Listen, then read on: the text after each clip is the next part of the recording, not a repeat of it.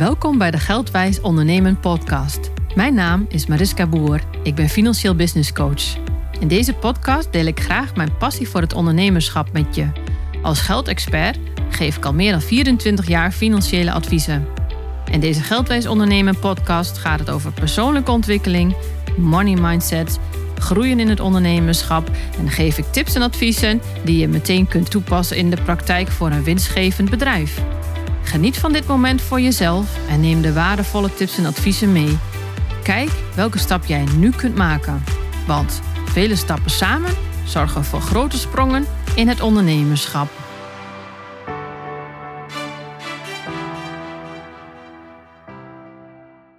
Welkom bij de Geldwijs Ondernemen podcast en dit is de serie Mindset. Vandaag heb ik Kim te gast. Kim, stel jezelf eens voor aan de luisteraars. Ja, hi Mariska. Ja, ik ben dus Kim.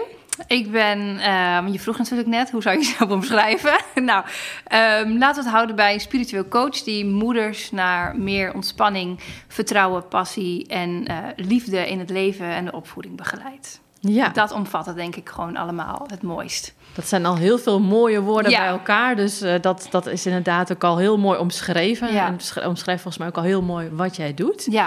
Um, en hoe ik zelf ook in het leven sta natuurlijk. Dus daar kun je degene ook het beste bij helpen, denk ik altijd maar. Ja, precies. Ja, want um, ja, wat... Uh, um, wat doe je zoal? Ja, ik, um, dat is misschien wel interessant of leuk om te vertellen, denk ik, uh, hoe het dan begonnen is. Want ja. uh, ik, ik had altijd al een droom om een eigen praktijk uh, te starten.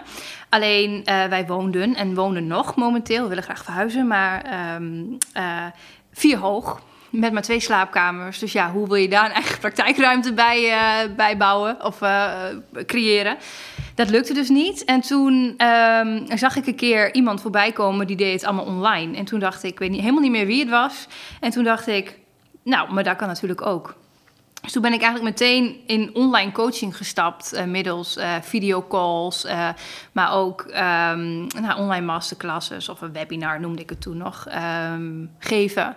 En uh, dat doe ik dus nu nog aan moeders met opvoedingsvragen. Um, tenminste, meestal is de ingang een opvoedingsvraag dat ze bij me komen. Dat ze niet snappen waarom hun kind doet wat hij doet. En uh, de moeder die al wat verder in dat proces is, die komt er ook nog achteraan van... ik snap ook niet waarom ik reageer zoals ik reageer. Help me daarbij. Um, en ja, de een stapt in een één op één uh, ja, coachsessie of een heel traject. En de ander die uh, kiest eerst ja, om een training in te stappen en gaat van daaruit één op één. Of nooit één op één, dat kan natuurlijk ook. Maar, dus ja, ik doe zeg maar trainingen, online trainingen en um, ja, online coachsessies middels een videocall. En als je in de buurt van mij woont, dan kom ik bij je thuis. Ja, precies. Dus ja. dat is allemaal mogelijk. Ja ja, super mooi uh, om te horen, inderdaad. Ja. Dus uh, ja, want nou ja, hoe kennen wij elkaar dan? Hè? Dat is alweer uh, wat jaartjes geleden ja. inmiddels. toen jij startte met het ondernemerschap. En um, ja, eigenlijk kom jij oorspronkelijk vanuit een andere, of andere hoek. In het begin was jij natuurlijk vooral ook heel erg met de kinderen bezig. Ja. Um, ja, misschien ook wel leuk te vertellen van hoe het ging vanaf de universiteit en ja. hoe je bent gekomen waar je nu staat. Ja, nou, ik ben dus eigenlijk nadat ik mijn dat is wel heel grappig. Ik moet in één keer daaraan denken. Daar heb ik nog helemaal niet eerder aan gedacht meer. Maar uh, ik heb eigenlijk uh, mijn VWO-diploma. Vanuit mijn VWO dacht ik altijd, ja, maar ik wil gewoon mijn VWO en dan kan ik alle kanten op. Maar ik wil absoluut niet naar de universiteit, want het past helemaal niet bij mij. dus toen heb ik ervoor gekozen om een versnelde HBO-route voor de SPH te doen ben ik uh, nou, wegens uh, ziekte bij mezelf ben ik daarmee gestopt na uh, een jaar. Ik had mijn propenduizen en ik had eigenlijk in dat propenduizenjaar eerste en tweede jaar van SPH gedaan. En daarna was oké, wat wil ik dan? Wat vond ik eigenlijk het leukste het afgelopen jaar? En dat was toch wel het werken met um, kinderen en de ouders. En toen dacht ik, ja, maar dan kan ik of als ik weer beter ben, kan ik teruggaan um, naar de SPH en het ABO. Of ik ga gewoon voor de richting die me het meest ligt. En dat was de, de opvoedingskant. En um, toen heb ik ervoor gekozen om uh, opvoedingsondersteuning aan de Universiteit van Amsterdam te gaan studeren. Um, superleuk hoor. Ik, ik, heb, uh, ik heb daar heel veel plezier aan gehad. En, um, maar ik miste wat. Ik ben echt na drie jaar had ik dan mijn mijn bachelor. Toen heb ik een jaar ertussenuit. Want ik dacht, ik ga geen master doen, dan moet ik onderzoek doen. En dan moet ik met het SPSS. En dan, oh joh, ik was dan helemaal in de stress als ik daaraan dacht. En ik dacht, nou, misschien krijg ik wel een, een baan toch in deze richting, um, zonder mijn master te hoeven doen. Nou, dat lukte niet. Um, toen ben ik toch mijn master gaan doen. En echt de eerste dag was ik al helemaal in de stress. En dat ik wel bij me kwam, oké, adem nou maar eerst eens even rustig. En um, uh, het, komt wel goed, weet je. Het is gewoon even die eerste reactie van... dit kan ik niet, die ben ik niet bekend mee. En uh, nou, uiteindelijk heb ik dat afgerond met de woorden van mijn... Uh, hoe, ja, hoe, noem je diegene die je onderzoeksbegeleider of zo? Ik weet niet meer hoe ze dat noemden. Van, nou Kim, ik had nooit gedacht dat je dit in je mars had en dit eruit uh, ging halen. Toen dacht ik, nou, moet ik dit nou opvatten als een compliment? Zie het als een compliment. Of, ja, zo heb ik het wel gedaan. Dus ik dacht, nou, dankjewel. Ja, ik moest even ergens doorheen, maar daarna... Um, ja, was het toch... Uh, ja, heb ik het op zich redelijk leuk gehad. Het was niet een heel leuk afstand. Er was heel veel gedoe met, die, uh, met waar ik dat onderzoek deed. Maar goed, maakt niet uit. Dus ik heb die, um, ja, mijn, mijn wetenschappelijke studie dus gedaan. En toen daarna, na die master, viel ik eigenlijk ook weer in een gat. Want ik was hoog opgeleid voor alle pedagogische richtingen. Ja, want je zocht eigenlijk werk dus. Ja, want ik, ik wou eigenlijk gewoon nou heel graag met de opvoeding dus, hè, met de opvoedingsvragen um, aan de slag met van ouders. Um, maar ik werd elke keer afgewezen omdat ze HBO'ers wilden. En ik, ja, was, ik had mijn master, mijn universitaire opleiding. Dus toen kwam ik op een gegeven moment. Um, en toen was Limee er al. Ik was, uh, mijn oudste dochter uh, is uh, bijna wat in januari 8, dus nu 7. bewust voor gekozen om zwanger te raken tijdens mijn afstuderen.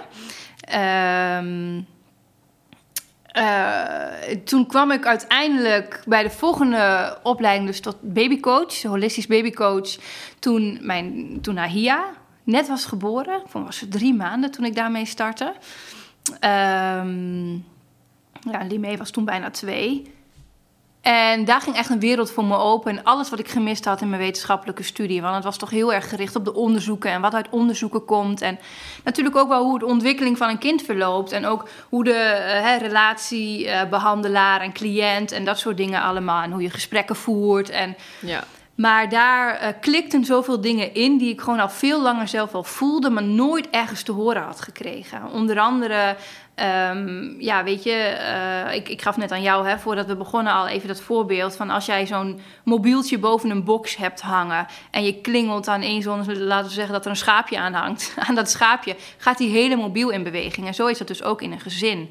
En ik vond het zo machtig interessant dat ik me daar gewoon steeds verder in ben gaan verdiepen. En hoe dat dan zit tussen de verbinding tussen ouder en kind. En als je zelf niet lekker in je vel zit, hoe je kind daarop reageert en wat hij jou spiegelt. En ja, van daaruit ben ik dus inderdaad meer op de baby gaan richten en op het jonge kind. En maar in dat hele verhaal kwam ik er gewoon achter dat je altijd bij die ouders moet zijn. Ja. En um, dus toen inderdaad overstap gemaakt van um, de ouders. Maar toen ging ik meer bevoelen van oké, okay, hoe doe je dat dan online met die ouders? Dat is natuurlijk, je moet ze dan altijd tegelijk hebben of juist aparte afspraken maken. En toen ben ik voor mezelf gewoon heel duidelijk gaan bevoelen waar heb ik de meeste aansluiting bij. En dat is gewoon de moeder, want daar kan ik mezelf ook het best in inleven. Dus ik wil graag werken met een moeder die ervoor open staat om ja, de, de, ja, de processen die het moederschap met zich meebrengt uh, aan te kijken. Ja. ja. Dus dat is zeg maar een beetje de reis uh, daarin. Uh, elke keer natuurlijk wel een beetje bij hetzelfde onderwerp. Hè, die opvoeding, moederschap, kinderen. Maar het heeft steeds een beetje een dieper laagje gekregen eigenlijk. Ja, precies. Ja, ja. want inderdaad, wat je al heel mooi omschrijft eigenlijk... Hè, vanuit de universiteit leer je bepaalde dingen. Het is natuurlijk heel erg vanuit theorie. Ja. En um, ik zie heel erg mooi bij jou, zeg maar... de vertaalslag ook naar juist het gevoel erbij. Ja. En ook de zoektocht misschien wel daarna van... Hey, uh, hoe kan ik dan die verdieping vinden in in dit soort situaties. En Ja. ook de verbanden leggen en ook echt tot een oplossing komen. Uh, want ja, ik kan me voorstellen dat je dan op een gegeven moment op een blokkade stuit, zeg maar. Ja. En hoe ga je daar dan uh, vervolgens mee om? Ja. ja, want wat het is, kijk, een, een, uh, dat merk ik nu al minder. In het begin was dat natuurlijk meer. Mensen volgen me nu dan al wat langer, dus ze weten een beetje hoe ik tegen situaties aankijk. Dus meestal komen ze nu wel op een andere manier binnen dan, um, uh, dan een paar jaar geleden. Um, komen ze binnen met een opvoedingsvraag. Weet je, mijn kind doet dit of dat, help mij. Hoe, hoe lossen we dit op? Hoe, hoe zorgen we ervoor dat hij dat niet meer doet? Ja. En um, uh, natuurlijk heb je daar nu ook nog wel uh, een stroming in. Als ik het gesprek met die moeder aanga om te kijken of ze ervoor open staat hoe ik werk. Um, dat diegene echt wil dat je het gedrag bij het kind oplost. maar ook moeders die zeggen van oké, laat mij maar zien wat mijn kind mij spiegelt. En wat het verhaal van mijn kind eigenlijk is. Hè? Want wat ik uh, hè, bijvoorbeeld in de, in de babycoachopleiding dan zo mooi leerde... van ieder uh, signaal vertelt een verhaal. Ja. En zowel hè, het signaal is natuurlijk uh, iets van het gedrag wat je kind laat zien... maar ook jouw eigen primaire reacties die je geeft op het gedrag van het kind... En um, ja, dat vind ik gewoon zo machtig interessant. En vooral die reactie die je zelf geeft, of waarom je dan eigenlijk met die vraag bij mij komt. Want dan wordt er iets in jou getriggerd dat jij vindt uh, dat dat gedrag moet stoppen. Of dat het niet normaal is dat je kind dat laat zien. Of um, um, ja, dat je het gewoon, hè, sommigen ook echt van, ja, ik vind het gewoon echt niet prettig dat ik mij zo um, uh, onzeker voel of zo boos word als mijn kind dit doet. Want in principe doet hij niks fout, maar bij mij raakt het gewoon zoveel. Precies, wat, wat ja. uh, de reactie van je kind, wat voor effect dat heeft ja. op jou als persoon inderdaad. Want ja, het is natuurlijk ook echt als je gaat opvoeden, zelf al een hele uitdaging. Hè? Er ja, zit natuurlijk tuurlijk. geen handleiding bij, om het zo maar te zeggen. Nee. En hoe, hebben, hoe ben je zelf opgevoed? Wat voor waarden en normen ja. neem je zelf mee? Of heb je juist dingen die je misschien laat zien... waarvan je dacht van, van je ouders van... nou, zo ga ik het nooit doen. Maar nee. vervolgens... Ja, en ook de, de, normen en waarden, zeg je. Maar ook de normen en waarden die je bij je draagt... van waaruit je leeft... maar die misschien helemaal niet bij jou passen. Maar die, je, die je gewoon meegekregen hebt in ja. je leven. En je zegt wel zo mooi van geen handleiding. Maar laatst zei ik juist van... in principe heeft je kind al een handleiding. Als jij gaat kijken naar wat het verhaal van je kind is... weet je eigenlijk altijd welke behoefte, er achter een bepaald, een bepaald gedrag ligt. Ja. Ja, precies. Kijk, en dus dat, dat, is, dat is, is wel kracht, een beetje hè? een creatieve handleiding misschien. Het is niet zo heel van uh, stap 1, stap 2, stap 3. Maar um, ja, het maakt het zoveel makkelijker. Ja, en ja. zoveel relaxter vooral ook. Want je ziet natuurlijk heel veel... Uh, ik weet niet of jij dat ziet, maar ik heb mijn werk natuurlijk wel... dat sommige moeders echt met handen in het haar lopen... of echt op kind lopen te fitten... of gewoon het gewoon echt niet meer weten. En dan maar continu over grens laten gaan, juist wel. Hè, heel graag mild in het ouderschap willen staan, heel liefdevol. Maar daardoor um, het kind ook bepaalde kaders mist. En je continu over je eigen grenzen gaat. Ja, kijk, weet je. En daar dan die balans in zien te vinden. Van hoe kom ik tegemoet aan de behoeften van mijn kind, maar ook tegelijkertijd aan die van mij. Ja, dat vind ik zo'n mooie reis ja. die je gewoon uh, ja, aan kan gaan met jezelf. En ja. dat blijft natuurlijk continu. Hè? Ik bedoel, je kind groeit en daar groei jij ook in mee. En, uh, Absoluut. Ja. ja, nee, dat is ook zo inderdaad. Ja. En dat is ook inderdaad waar jouw kracht ook echt ja. ligt en zit, zeg maar, om mensen dus inderdaad, nou ja, je noemt het al mooi de handleiding, maar dat toch in, in de reis mee te nemen, maar ook inderdaad te spiegelen in bepaalde situaties. Um, ja, wat dan eigenlijk soms je eigen blinde vlek is, waar, wat je niet ziet, zeg maar. Dat jij gewoon kunt helpen van, hé, hey, maar uh, misschien uh, zit dit erachter. Of ja. daar, um, daar kun je misschien wat mee. Ja. Heel mooi. Ja, ja echt, uh, ik vind het echt super interessant. Ja, ja, ik ook nog steeds. Ja. Gelukkig. Ja. ja. het is echt... Um, ik, ik heb afgelopen... vorig jaar had ik even zo'n momentje van... Ja, wil ik altijd wel die moeder hè, als, als ingang...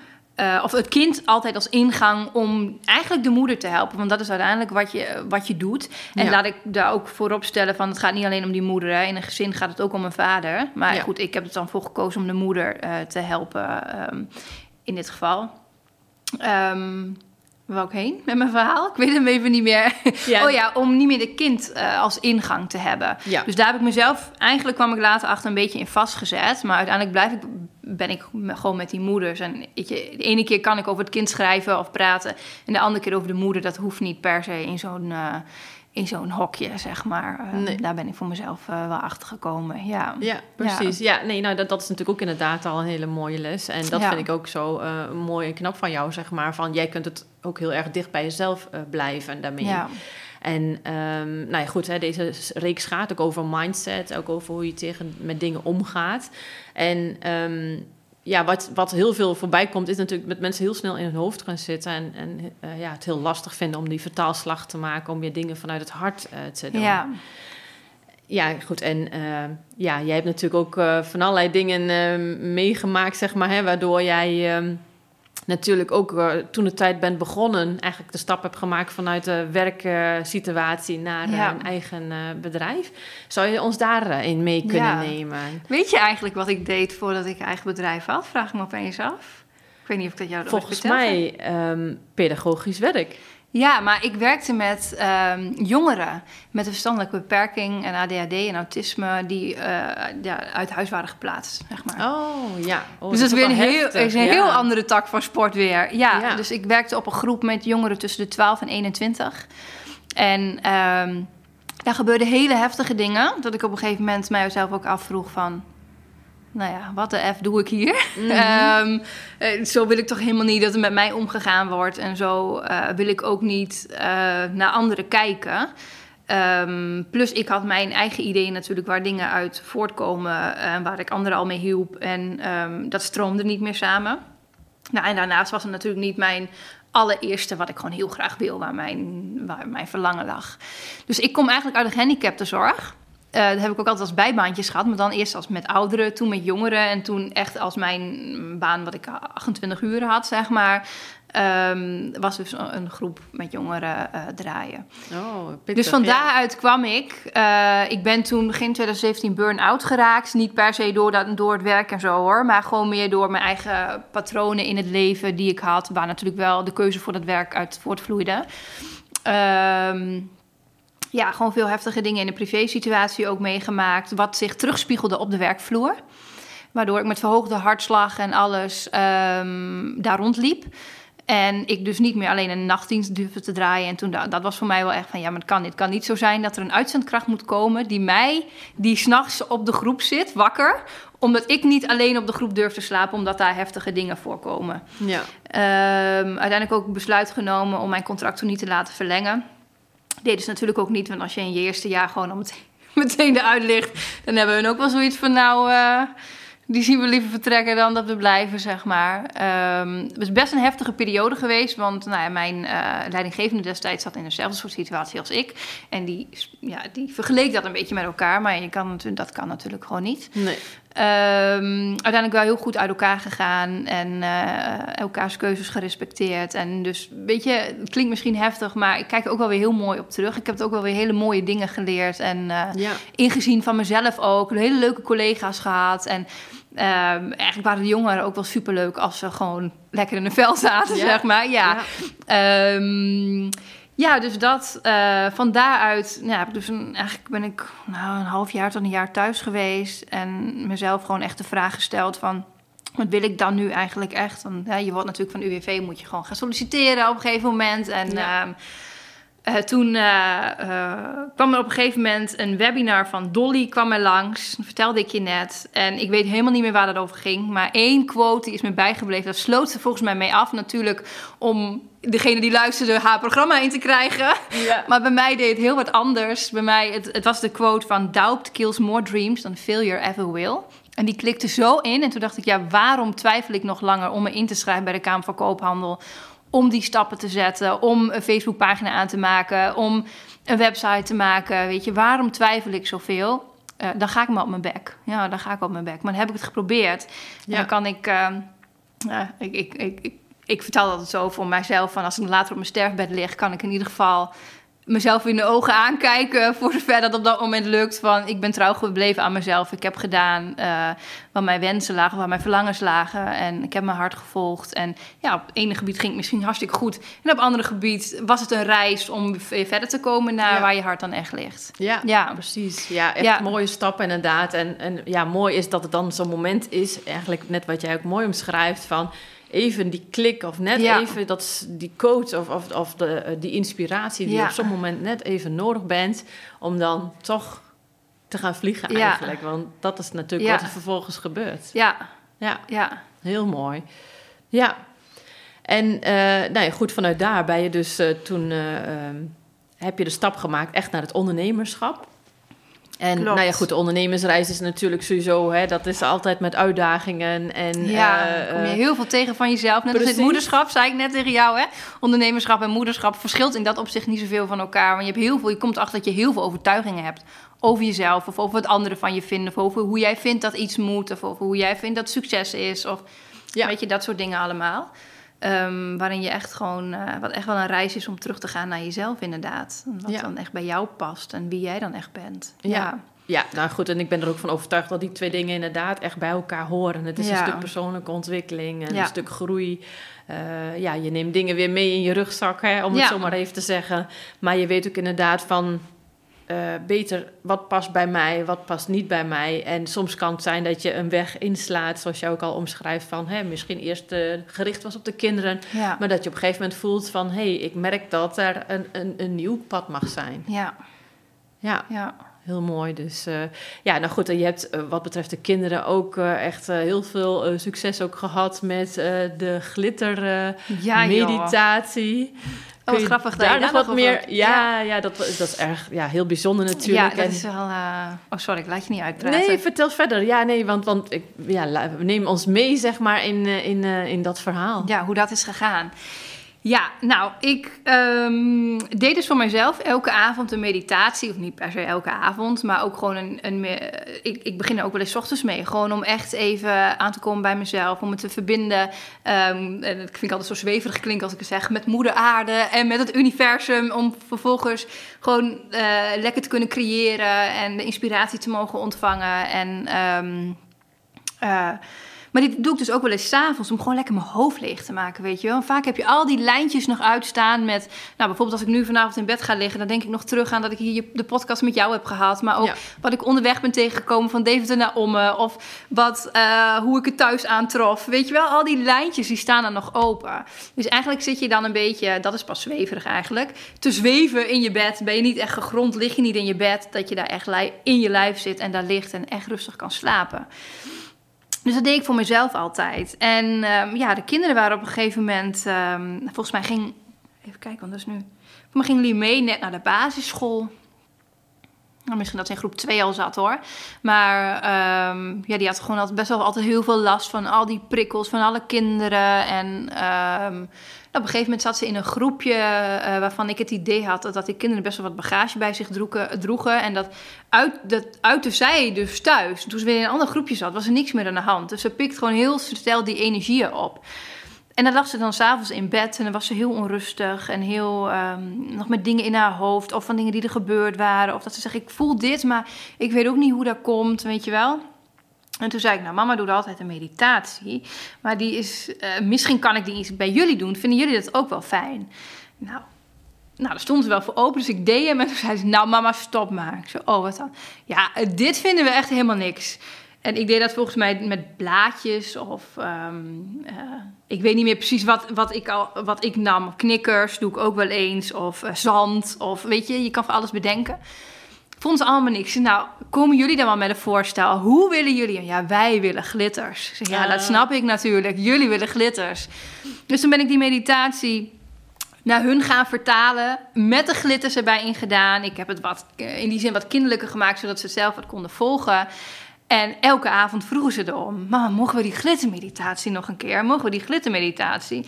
Nou, toen was ik een keer niet thuis s'avonds en toen ging Miek wel de kinderen naar bed brengen. En toen zegt hij, ja, ze vragen om de glittermeditatie, maar ik weet niet hoe die gaat. Toen zei ik, nou weet je, ik neem hem wel een keer op. Nou, dat was echt helemaal weird natuurlijk, want dan ging hij de kinderen een keer naar bed brengen en dan zat ik op de bank. En dan kon ik dat horen, dat hij mijn meditatie afspeelt. nou, dat is heel gek in het begin. En, um, en toen op een gegeven moment kwam hij dan uit de slaapkamer s'avonds en toen zei hij, Kim, waarom doe je hier niks mee? Ik zei, hoe bedoel je? Hij zegt, als onze kinderen daar al zo blij van worden, om vragen en... Um, wie weet hoeveel kinderen, en ouders natuurlijk ook, want ouders worden ook onrustig als hun kind onrustig is. Ja. Ehm, hoeveel kinderen en ouders kan je hier wel niet blij mee maken? Oh ja, verrek. Dus toen ehm, ben ik op Soundcloud gaan zetten. Heb ik een, um, nou, een, een, uh, een landingspage gemaakt van dat mensen zich in konden schrijven. Kreeg ze in eerste instantie gratis. En daar kwam zoveel positieve reacties op. Um, dat ik toen zei van, nou, misschien kan ik hier wel een verdienmodel van maken. En, um, dus, en ik vulde mijn lijst en ik draaide hem eigenlijk break-even. En uiteindelijk heb ik, maakte ik zelfs winst daarmee um, uh, al vrij snel.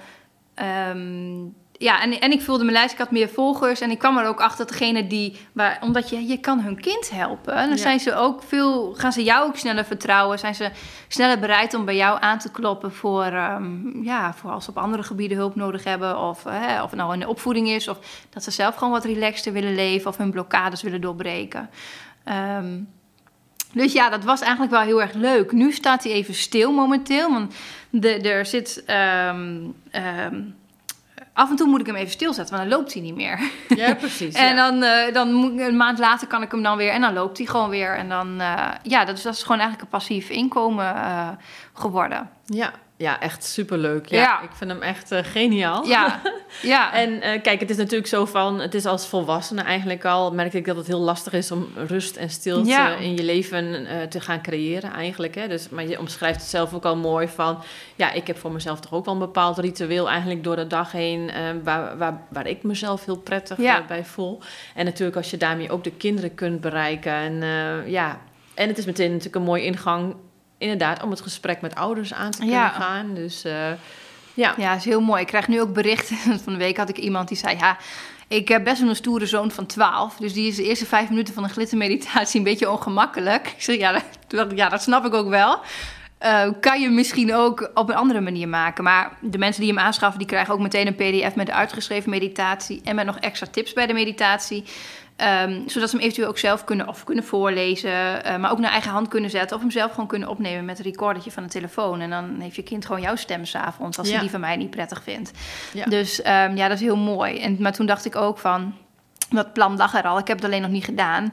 Dat volgende week ga ik gewoon de versie ook gewoon voor volwassenen en voor oudere kinderen opnemen. Oh, want die glittermeditaties. Want ik krijg ook heel vaak dat onder die advertentie komt dan: werkt dit ook voor volwassenen? En dan schrijf ik altijd: ja hoor, alleen de toon waarover ik spreek is misschien niet zo fijn als je s'avonds in bed ligt en uh, je wordt op. Ja, het is niet, ik hou er niet van om heel kinderlijk te praten. Um, maar uh, ja, het is toch net wel even een andere intonatie dan wanneer je een meditatie voor volwassenen inspreekt. Ja, ja. Nee, dat kan me ook inderdaad ja. uh, wel wat, wat bij voorstellen. Ja. Dus uh, ja, en waarom niet en, hè? inderdaad. Nou ja, dat, precies. Ja. ja. En ik denk inderdaad dat, dat nou, heel veel, nog niet iedereen kent echt meditatie. En het is natuurlijk ook een mooie manier om daar wat meer uh, ja. ja. van te leren, zeg maar. En wat het ook eventueel voor je kan gaan doen. Ja. En zo maak je het natuurlijk wel ook bereikbaarder voor een veel groter uh, publiek. Ja. Ja, ja, superleuk. Ja, dus dat is echt oh. wel heel erg leuk. Uh, ja. Nou, dan kunnen we daarna uitkijken in ieder geval. Ja. Super. Ja, leuk. Ja. Heel leuk. Dus ja, en, en nou ja, goed, je, je omschrijft het inderdaad al heel mooi eigenlijk uh, wat je allemaal uh, doet. En um, dat je ook op dit moment natuurlijk ook wel, uh, vooral ook met de moeders aan de slag gaat. Ja. Um, kun je daar ook wat meer over vertellen? Um, ja hoor, wat wil je er precies over weten? Ja. nou ja, goed. En van, er zijn natuurlijk moeders die misschien nu meeluisteren en denken van... hé, hey, ik merk dat ik ook tegen dingen aanloop. Ja van um, wat kunnen ze dan zoal verwachten of wat zijn de dingen waar je naar gaat kijken in zo'n ja. uh, coachgesprek? Ja, nou, als, als uh, moeders bij mij komen um, voor één op één coaching, um, ja, dan, dan, zijn ze ergens tegen aangelopen. Hè. Dat kan in de opvoeding zijn, maar soms is het ook met hun relatie of op werkgebied. Of gewoon dat ze overal gewoon niet zo lekker in hun vel zitten en gewoon niet weten waar ze moeten beginnen. Um, eigenlijk ga ik met hun altijd kijken van zijn er ook lichamelijke klachten. Want dat is vaak de, uh, de makkelijkste ingang, heb ik uh, uh, gemerkt. In die zin dat hij net een hele tijd terug zei je al iets over hè, die reis van wetenschap naar hoe ik, het, hoe ik het dan nu doe. En eigenlijk is het een vermenging van allemaal hoor, wat ik nu doe. Maar... Um, dat inderdaad, op een gegeven moment liep je er tegenaan. Dat, dan kon je ze wel helpen. En jij zag ook wel welke spiegel het kind gaf. Maar dan waren ze zelf nog heel erg geblokkeerd. Um, en dan kon je daar ook niet doorheen prikken. Maar door naar lichamelijke klachten te gaan en daarin te duiken, je niet in mee te identificeren. Want dat is nog wel eens een. een, een uh, uh, wat sommigen natuurlijk heel erg doen, van dat ze dat gewoon hebben en dat ze zo zijn en dat ze um, nou, helemaal identificatie uh, in hoogst eigen persoon zijn, dat ja. dat bij ze hoort. maar er gewoon in te duiken en eens aan te kijken naar waar dat ooit is begonnen. Um, ja, en het van daaruit uh, kan het zijn dat er opeens een familiestelling, uh, een energetische familieopstelling komt kijken. Of uh, ja, dat, um, dat er een andere heling plaats mag vinden. Um, ja, dat is gewoon. ik werk heel erg met energie, ja. eigenlijk. Ja. En natuurlijk, natuurlijk stel ik vragen en uh, probeer ik zo diep mogelijk te gaan voor dat moment. Want ik, ik heb ook gemerkt dat datgene wat zich op dat moment aandient, dat dat ook is waar je gewoon mee mag werken. Weet je, soms zie ik of voel ik nog wel iets dat er meer zit. Maar dat komt dan in een tweede of derde sessie er pas uit. Omdat iemand daar in die eerste nog helemaal niet klaar voor is. Nee, nee dat, dat er eerst een ander laagje mag zijn. Om uiteindelijk tot die andere uh, laag te komen. Dat is ook prima. Dat is wel iets wat ik uh, moet, heb moeten leren om dat los te laten. Want je wil natuurlijk iemand zo goed mogelijk helpen. Ja. Uh, en zo ver mogelijk ook. Maar... Um, ja, iemand uh, draagt iets aan op dat moment waar die ook gewoon klaar voor is om dat onder ogen te zien en daarmee aan de slag te gaan. Ja, precies. Want ja, we, we hadden dan hiervoor natuurlijk samen ook even het gesprek. En toen vertelde je eigenlijk zelf ook al dat jij uh, zo'n moment hebt ervaren eigenlijk. Hè? Dus, uh, want ja, mensen die luisteren zullen denken van... hé, hey, eerst pijn voelen. Ja. Van, je omschreef heel, schreef heel mooi van... ik had heel erg last, heel erg pijn ja. in mijn schouders. Ja. En, en wat daarna mag komen. Ja, ja, ja, precies. Nog even aanhaken hoor. Ik ga daar zo op in bedenken. Het is niet altijd dat mensen met uh, lichamelijke klachten bij me komen. Maar op het moment dat je heel erg boos wordt of heel geïrriteerd bent, voel je dat ook ergens in je lichaam. Ja. Dus zo maak ik die vertaling vaak naar het, uh, naar het lichaam. Ja, ik had dus heel erg last van mijn schouders, zeg jarenlang. Um, uh, en ik voelde dat ik helemaal verkrampt liep. En um, echt precies zo aan het randje van de schouderbladen. Het was ook altijd zo. zei ik tegen me, oh, masseer maar even. Maar hij zegt, ja, kom maar gewoon niet door. Het zit ergens onder, weet je wel. En um, op het moment dat ik dus de stappen ging zetten voor mijn eigen bedrijf, omdat het gewoon een lang gekoesterde wens was, um, ging die schouderpijn langzaam aan weg. En toen zei ik van, nou het lijkt wel nu ik mijn vleugels uitsla, weet je wel, dat ze niet meer zo in mij hoeven te prikken. Ja, dus uh, ja. ja. En nu heel af en toe als ik het dan een keertje voel, dan ga ik kijken, oké, weet je, waarin uh, um, durf ik niet in mijn grootheid uh, staan eigenlijk. Um, ja. Of waarin sla ik mijn vleugels nu niet uit, wat ik eigenlijk wel mag doen. Ja, prachtig. Ja. ja. Ja, want dat is inderdaad wel echt wat het wat het is natuurlijk inderdaad. Uh, en ik vind het een heel mooi voorbeeld van hoe, uh, nou, hoe je dat zelf ook hebt ervaren. Ja. Uh, ja.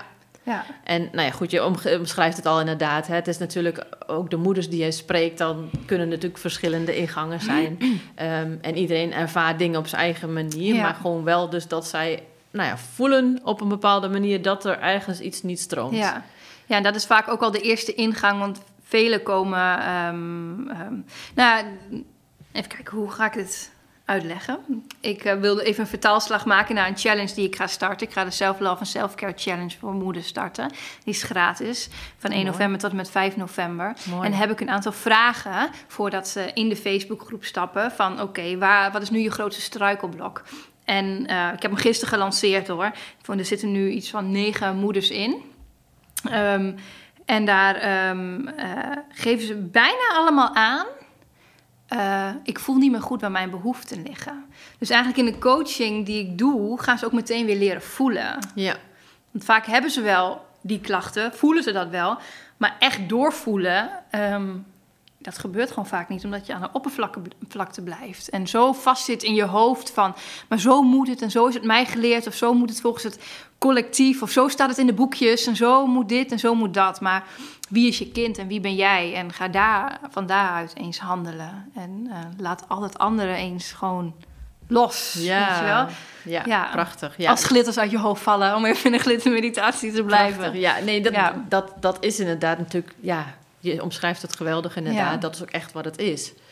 Ja, en uh, dat echt dat loslaten, maar ook inderdaad, uh, ja, dat toch heel veel mensen binnen alle verwachtingen en de snelheid die er is en de moeten en verplichtingen en verwachtingen. En ja. dat je daar dan zo in verkrampt, zeg maar, dat je eigenlijk jezelf op een gegeven moment niet meer weet van hé, hey, maar wie ben ja. ik nou en waar heb ik nu nog ja. behoefte aan of wat kan ik of wat doe ja. ik. En ik ben eigenlijk best wel vrij opgevoed en ik heb eigenlijk een hele fijne jeugd gehad. En dat geef ik ook altijd als voorbeeld van je hoeft geen heftige trauma's of heftige dingen te hebben meegemaakt uh, in je jeugd of Um, om vast te zitten in bepaalde patronen. Want ik ben, ik ben enig kind. Ik heb uh, mijn ouders, of mijn moeder dan, mijn vader natuurlijk ook, die was uh, ook in verwachting van een kind. Maar mijn moeder is natuurlijk twee keer zwanger geweest, ja. uh, na mij nog. Maar de, hij heeft de placenta twee keer spontaan losgelaten. Dus die kindjes, ja, die zijn er eigenlijk, ja, die zijn wel geboren, maar ehm, hebben wij nooit verder ja, mee geleefd. Oh, heftig, ja. Dus dat is, dat is natuurlijk... Um, heel heftig geweest. Ik was twee en ik was drie. Ehm, en als ik, als ik kijk naar waar dingen vandaan komen, kom ik heel vaak in die periode uit. Um, qua mezelf wegcijferen. Als ik terugkijk, dan wou ik het de perfecte dochter zijn die mijn ouders niet lastig maakte. Want ze blijkbaar heb ik een, had ik een idee gecreëerd daar van ze hebben het al zo moeilijk, ze zijn al zo verdrietig. Dus ik moet zorgen voor vreugde en dat alles makkelijk verloopt. En hebben ze me nooit opgelegd hoor. Maar dat is gewoon een iets wat blijkbaar vanuit jezelf komt. Um, ja. ja, je voelt als kind aan. Je voelt als kind natuurlijk een situatie aan. Kijk, mijn ouders zijn daar natuurlijk ook aan het rouwen geweest. Dus dan zit je natuurlijk ook in een bepaalde energie. Ja, um, ja van waaruit jij ook handelt en uh, dingen doet. En, uh, dus heel vaak kom ik terug uh, in die periode um, ja, waar mijn pijn dan zeg maar ligt. Of waar de, de patronen liggen die ik mag aankijken. ja. Ja. ja. En zo heeft iedereen inderdaad dat op zijn eigen manier. En net wat je al omschrijft, hè, het gaat helemaal niet om van... goh, ik moet iets traumatisch hebben meegemaakt. Of ik, ik hè, ook al heb je inderdaad een heel redelijk stabiele situatie gehad... Maar goed, zo zie je wel dat bepaalde emoties of heftige... Uh, ja, dit is natuurlijk wel heel heftig. Dat is wel heel heftig wat je Dit zit natuurlijk wel in mijn basis. Hè? Ik bedoel, die eerste paar jaar ja. is natuurlijk wel de basis, wat je, het fundament wat je meekrijgt voor de rest van je leven. Dus daar is natuurlijk wel iets heel heftigs in gebeurd. Maar als ik van daaruit kijk naar de rest van mijn leven, daar ging eigenlijk alles vrijwel heel makkelijk. Ik had leuke vriendinnen, school ging makkelijk, kon makkelijk leren, weet je wel. Dus um, als je daar dan naar kijkt, en vaak zeggen mensen dan wel van ja, maar ik heb gewoon zo'n fijn leven gehad. Ja, ik ook. Ja, precies, weet je. Maar alsnog uh, kun je tegen dingen aanlopen of kun je op een bepaalde manier gaan profileren hoe je denkt dat je moet zijn. Ja. Um, ja, en dat is, dat is bij mij dus een beetje gebeurd. Uh, gaat toch het ego inderdaad spreken uh, van ik ik ben dit of ik doe dat of hier ben ik goed in. Terwijl misschien als je het wat los zou kunnen laten, dat er nog veel meer komt. Ja. Ja. ja. Mooi. Ja. Dus zo is dat. Uh, ja, gaat het dan? Ja, precies. Ja. Maar goed, leuk om te horen dat jij dus in ieder geval ook, uh, nou ja, dus straks ook weer een nieuwe lancering uh, doet. Uh, ja. Hè, dat, ja, je praat er heel makkelijk over, maar dat is ook wel de manier. Jij, jij weet ook allerlei mooie challenges altijd op te zetten. Dus ja, dat, deze is ook echt geboren gisteren hoor. Oh, dat is heel grappig. Ja, ik weet niet of het leuk is voor deze podcast, maar ik ging gisteren zitten en ik had het met Miguel over. En ik zeg, ik wil gewoon meer geven. Weet je, aan mensen meer geven en. en kijken wat er nog meer uit mij wil stromen. En um, en zodat ook, ik vind dat Sarayda dat altijd zo mooi zegt. Als je niet zichtbaar bent, weten mensen ook niet dat ze voor je kunnen kiezen. Precies. En um, denk, ja, dat vind ik. Hè, ik wil daar eh, natuurlijk ook verder groeien in mijn business als, als persoon. En, um, dus ik ging zitten en ik ging alleen de woorden opschrijven. Uh, wat heb ik ook alweer opgeschreven? Snel, makkelijk, waardevol, effectief en goedkoop. Toen dacht ik, oké, goedkoop, dat is gratis.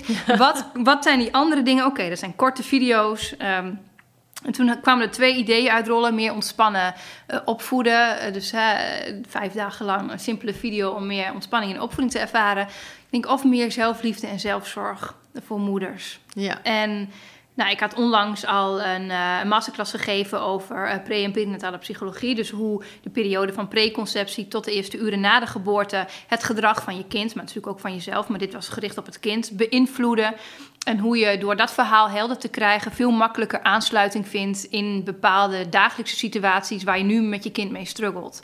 Toen dacht ik, dat ging al over opvoeding, dacht ik. Dan ga ik nu de andere kant op, ga ik nu meer voor die moeder doen. Weet je wel, voor haar eigen uh, de liefde naar zichzelf laten stromen, voor meer ontspannen, op een andere manier meer ontspanning en meer vertrouwen, passie en liefde te ervaren. En uh, dus ik was er eigenlijk al van overtuigd. Maar ik heb nog twee loodjes gemaakt. Ik zeg, meiden, zei ik tegen de kinderen... nu mogen jullie een loodje trekken. Ja. Wat dan, mama? Dus ik legde even uit waar ik mee bezig was.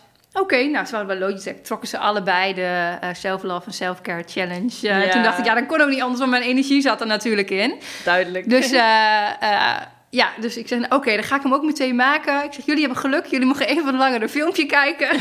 dus zij waren helemaal blij en ik was helemaal blij. Dus uh, ja, toen heb ik die uh, landing space uitgeknald en... Uh, uh, in mijn mail verzonden. En ik heb hem voor mij op Facebook en Instagram ook gezet. Verder nog niks mee gedaan. Dus ik ga deze week de ads daarvoor aanzetten. Ja. En dat zeg ik inderdaad wel. Oh, dat doe ik even, doe ik even, doe ik even. Maar ik heb heel veel... Die Facebook ads heb ik echt in moeten duiken voor de vakantie. Om het allemaal onder de knie te krijgen. En dat deed ik... Ik deed daar natuurlijk al wat mee met die glittermeditatie. Ja. Maar nu weet ik het een beetje beter allemaal. weet ik hoe ik het wat strategischer doe. Maar... Um, ja, tuurlijk, dat is ook wel een reis geweest om echt je verhaal te delen en ehm, om ook echt ehm, ja, die, uh, die stappen te zetten als je een idee hebt. Maar ja, dan komt die quote weer: Doubt kills more dreams than failure ever will. Dus die kun je overal inzetten. Ja, ja absoluut. Uh, weet je, dan loopt het maar niet. Ja. Nou, heb ik in ieder geval geprobeerd. En misschien valt er ergens wat aan te sleutelen. Of zat mijn energie er niet goed in. Doe ik het een andere keer. En als het echt niet goed voelt, gaan we gewoon weer over op wat anders. Ja, precies. Maar dat is inderdaad het mooie van, uh, nou ja, je, zoals je het nu al aangeeft, zeg maar, van dat je juist vanuit het gevoel en dan in één keer klopt het inderdaad. En dan mag het ook zijn. En kom je met inderdaad uh, iets nieuws. Nou, ik ga natuurlijk ook de link delen uh, bij deze podcast. Dus uh, de luisteraars kunnen daar ook gebruik van gaan maken. Nou, heel en, leuk. Ja, nou goed, het is super, super gaaf om te zien wat je allemaal al hebt opgezet. En hoeveel moeders jij al hebt mogen helpen. Um, ja, ik bedankt voor dit, dit mooie gesprek. Um, ik weet niet of je zelf nu nog aanvullingen hebt. Nee, voor mij hebben we best wel veel uh, gezegd. nu hebben we natuurlijk vooraf ook al even met elkaar gesproken. Dus ik weet niet wat ik hierin verteld heb of wat we daarvoor gedaan hebben. Maar ik denk door uh, dat we nu wel een beetje al een, gewoon een goed beeld hebben van wat ik doe en hoe mijn reis is geweest. En, ja. uh, dus jij heel erg bedankt dat je mij hebt uitgenodigd. Nou, graag gedaan. leuk om op deze manier weer te horen uh, waar je nu staat en welke mooie stappen je hebt mogen uh, maken. Ja. Dus zoals gezegd, ik ga in ieder geval ook uh, de link, linkjes delen ja. bij deze podcast. Nou, helemaal leuk. Zodat mensen ook op je pagina kunnen kijken of dus ook gebruik kunnen maken van onder andere de meditaties en het selfcare programma. Ja, heel nou, mooi. Super tof. Dankjewel. Ja. Superleuk dat je luisterde naar deze Geldwijs Ondernemen podcast. Dankjewel. Even kort een paar belangrijke dingen. Ten eerste, het is mijn missie dat ondernemers hun passie gaan volgen en een financieel gezond bedrijf hebben. Wil jij ook leven in financiële vrijheid en doen wat je het allerliefste doet? Kijk dan op mijn website en schrijf je in voor een gratis kennismakingsgesprek. Of kijk naar de business coach mogelijkheden. Verder heb ik ook nog een mooie gratis tool die je toe kunt passen om je visie en missie inzichtelijk te krijgen. Gebruik daarvoor onderstaande link. Ten tweede, wil je alle podcast-afleveringen overzichtelijk onder elkaar? Abonneer je dan op deze podcast. Klik in je podcast-app op de button subscribe of abonneren. Elke keer als er dan een nieuwe podcast-aflevering gepubliceerd wordt, krijg je automatisch een berichtje. En ten derde, wil jij mijn missie ook ondersteunen? Geef me dan een review via de podcast-app. Op die manier kan ik nog meer ondernemers bereiken. Dankjewel voor het luisteren en hopelijk tot snel.